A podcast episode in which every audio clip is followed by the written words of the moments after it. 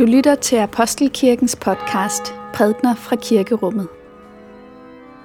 Find mere information på apostelkirken.dk.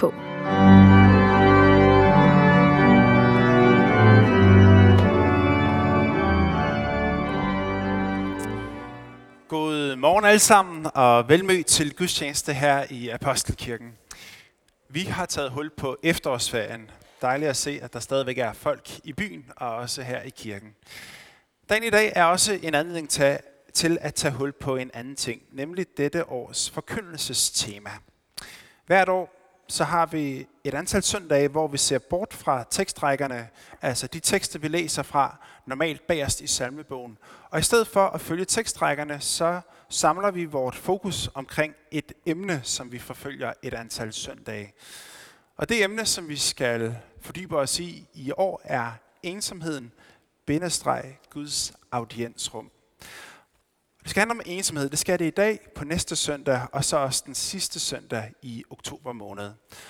Og vi skal begynde, han har sagt helt tilbage fra Adam og Eva, i hvert fald fra Adam. Vi skal læse, hvordan at Gud skaber mennesket, og der, midt i Edens have, oplever Adam ensomheden.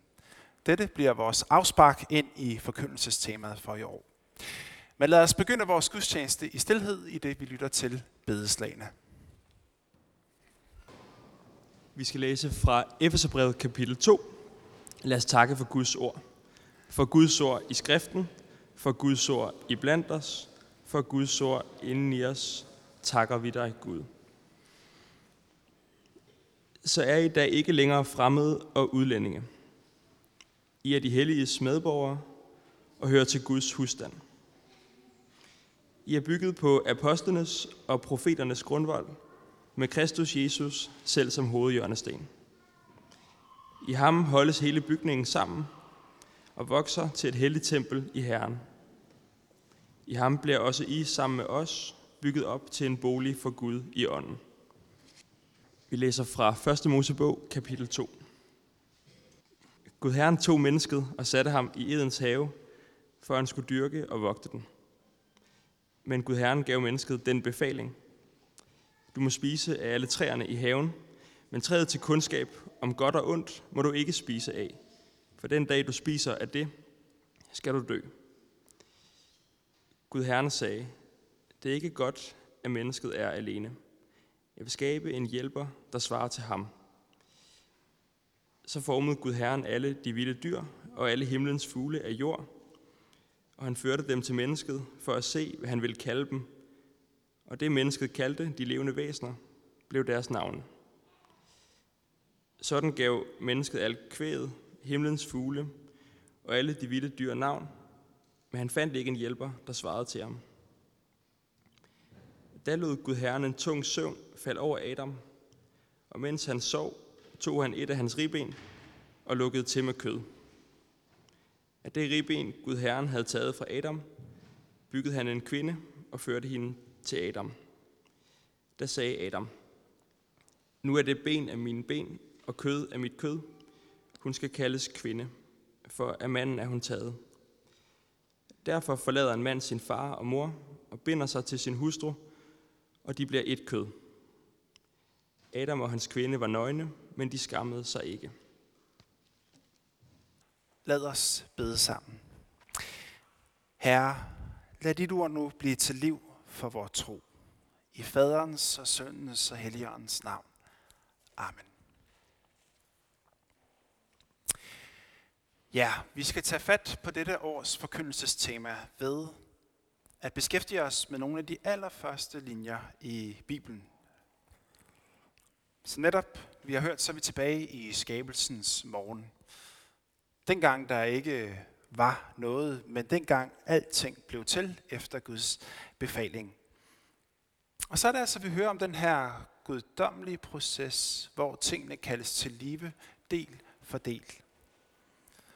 Det vil sige, at alting bliver ikke til i et splitsekund sådan her. Nej, Gud er snarere som kunstmaleren, der står foran sit værk og bygger det op fra bunden af, føjer flere og flere detaljer til, lægger lag og lag på, korrigerer, hvor der er behov for at blive korrigeret, indtil værket til sidst er fuldendt, indtil det er blevet til et mesterværk.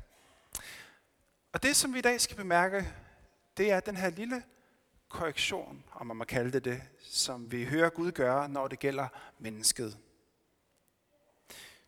Vi hører altså, at Gud former mennesket, sætter det i Edens have ude mod øst. Og ja, det var der, haven. Der var planter, der var øh, træer, vegetation og den slags. Det var dette, som var menneskets følgesvend i starten. Det var vegetationen, som gjorde menneskets selskab i begyndelsen. Og så er det altså, at vi hører, at Gud gør status, lidt ligesom han gør det i kapitel 1 i 1. Mosebog. Gud kaster et blik på det skabte, men i modsætning til kapitel 1, så konkluderer Gud ikke, at alting bare er så godt. Nej, der er noget, der ikke er godt. Der er noget af det skabte, som mistrives midt i skaberværket. Og det er, som vi ved, mennesket, som går rundt med bøjet hoved. Det er værd at mærke sig det her. Altså, måske den allerførste erfaring, mennesket gør sig, er at mærke ensomhedens byrde. Adam var mange ting. Han var det første menneske. Han var mand, finder vi sidenhen ud af i hvert fald. Han var værner og vogter af skaberværket. Han var ubetinget det mest begavede af alle skabninger.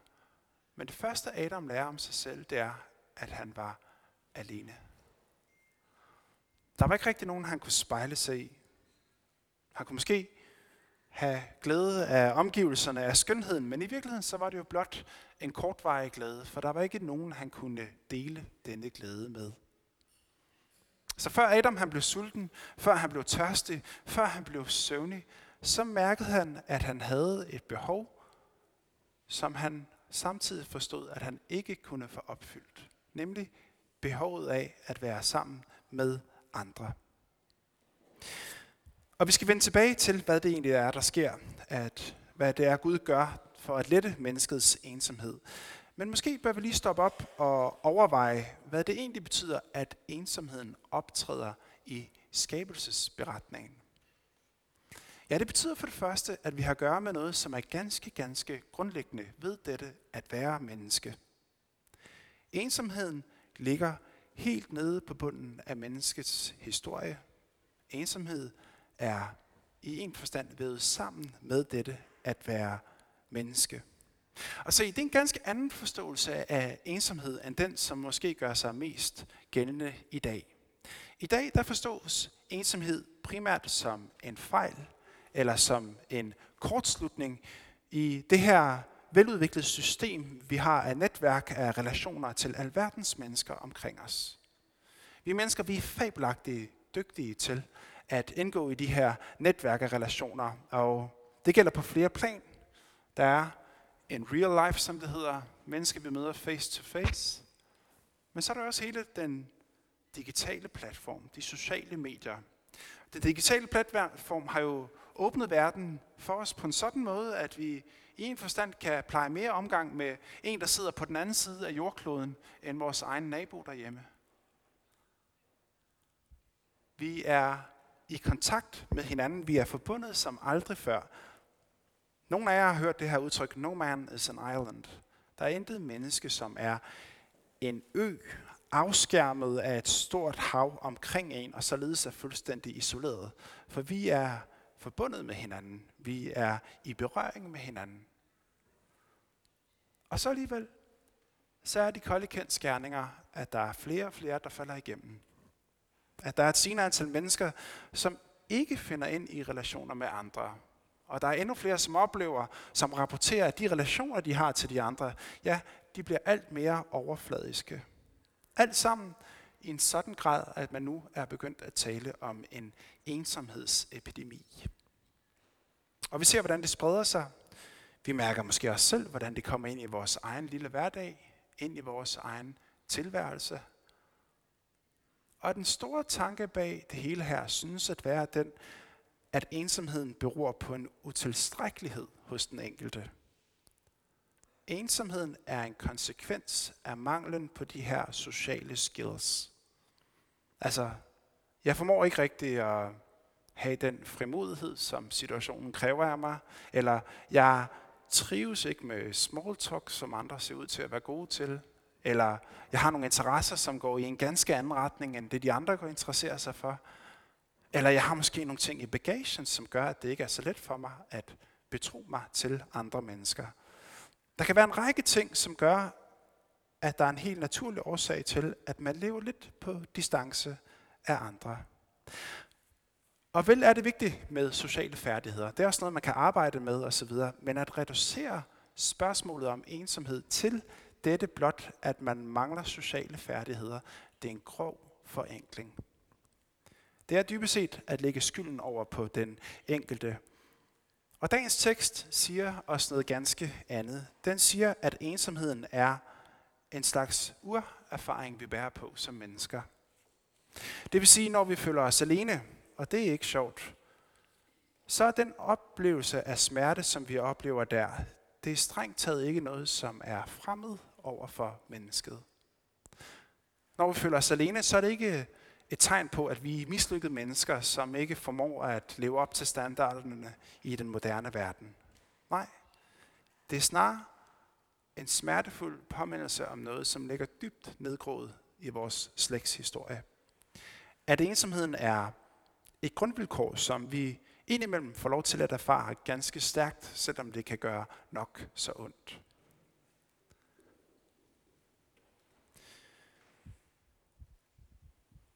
Lad os i forlængelse af det bemærke, at mennesket føler ensomhed, før syndefaldet indetræder. Før at det har spist af den forbudte frugt. Så ensomhed er altså ikke et resultat af, at vi lever i en falden verden. Det er ikke en konsekvens eller en straf for, at mennesket er ulydigt mod Gud. Og hvad betyder det egentlig for vores forståelse af ensomhed? At et menneskes evne til at føle som Adam gjorde det, i virkeligheden synes at være noget, som er medskabt. Ikke at den er god, men at den har været der, og den har været der helt siden begyndelsen.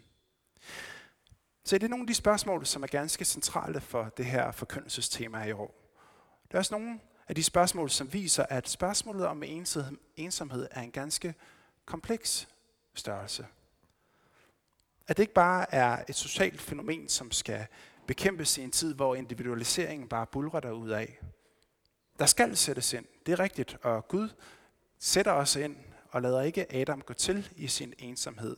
Men hvis vi tror, at det er et socialt fix, der skal til for at kunne eliminere et menneskes ensomhed, så har vi ikke forstået, hvor samvævet ensomheden er med dette at være menneske. Og det er præcis i erkendelsen af, at det ligger dybt i os, at vi de her søndage vil fordybe os i emnet. En forståelse af, at det her emne ikke kun angår den, der sidder derhjemme med gardinerne rullet for og synes, det er svært at komme ud af døren, men at det i virkeligheden er et emne, som angår os alle, som på et eller andet tidspunkt har mærket, at vi føler os alene. Hvad gør Gud så, når Adam føler sig alene? Hvordan sætter Gud ind? Ja, måske skal vi første omgang mærke os, hvad Gud ikke gør. Gud fjerner ikke Adams evne til at føle ensomhed. Det er ikke sådan, at Gud ligesom går ind på Adams harddisk og så omprogrammerer den. Gud skaber ikke en Adam 2,0. Gud korrigerer ikke ved at tage noget fra det skabte. Adam forbliver uberørt. Ja, eller i hvert fald, Gud tager et ribben sidenhen, men altså Adam forbliver uberørt i den forstand, at hans egenskaber er helt intakte. Det betyder også, at hans evne til at føle sig ensom forbliver uberørt. Gud trækker ikke fra. Gud lægger til. Og det er noget ganske andet. Der skabes nogle omgivelser for Adam. Der skabes nogle væsener, han kan forholde sig til. Det var det, Mathias læste, og de andre. Så formede Gud Herren alle de vilde dyr og alle himlens fugle af jord, og han førte dem til mennesket for at se, hvad han ville kalde dem. Og det mennesket kaldede de levende væsener, blev deres navn. Adam giver dyrene navne. Og i den her navngivning, der ligger der jo to ting. Der ligger på den ene side en slags grænsedragning. Det her det er fortællingen om, hvordan mennesket dybest set lærer, at der er noget, der hedder jeg, og der er noget, der hedder du. At Adam forstod, at der var en forskel på ham og alle de øvrige levende væsener. Der er noget, der er mig, der er noget, der er dig, sådan skal det være. Samtidig så er det også, at der i virkeligheden knyttes bånd mellem Adam og de øvrige levende væsener med navngivningen. Altså at de her væsener ikke blot var længere var fremmede, tilfældige væsener, som bevægede sig rundt om Adam. Nej, han havde set dem. Han havde set deres forskellighed og angivet navne derefter. Så på den måde så er det i virkeligheden dyreriget, som er Guds tiltag over for Adam i hans ensomhed. Men i en dybere forstand, så er det jo fællesskabet, der bringes på banen. Han giver Adam væsner, han kan relatere til. Og igen, lad os lige mærke, hvad det er Gud præcis gør her. Gud fjerner ikke menneskets evne til at være ensom. Der er ingen omprogrammering, der finder sted her, men Gud lader det ensomme menneske indgå i et fællesskab. Fællesskabet er Guds korrektion i skabelsen. Det er i mødet med andre, det er relationen til andre, der giver lindring til det ensomme menneske. Og så kan man hurtigt gøre indsigelser og sige, ja, men altså, fællesskabet er godt nok heller ikke helt uproblematisk. Og det er rigtigt nok. Mange vil sikkert også kende til oplevelsen af, at det netop måske er blandt alle mulige andre mennesker, at man oplever, at ensomheden kan være som allerstørst. Det er rigtigt.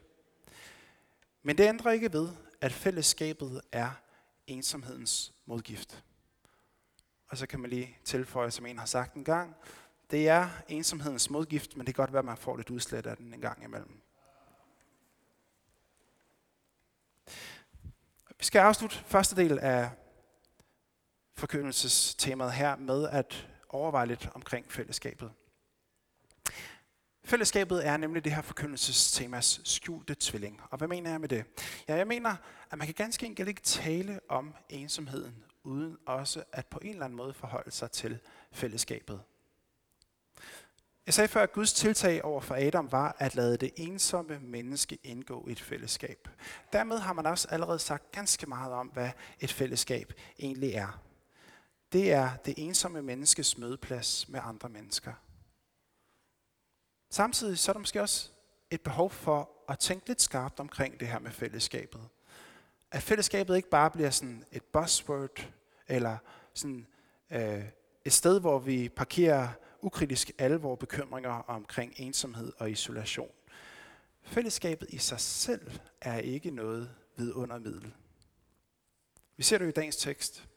Adam lever sammen med dyrene i et fællesskab. De her dyr, de var hverken kantede eller krukkede, eller havde en masse floskler eller den slags, men var han glad? Nej.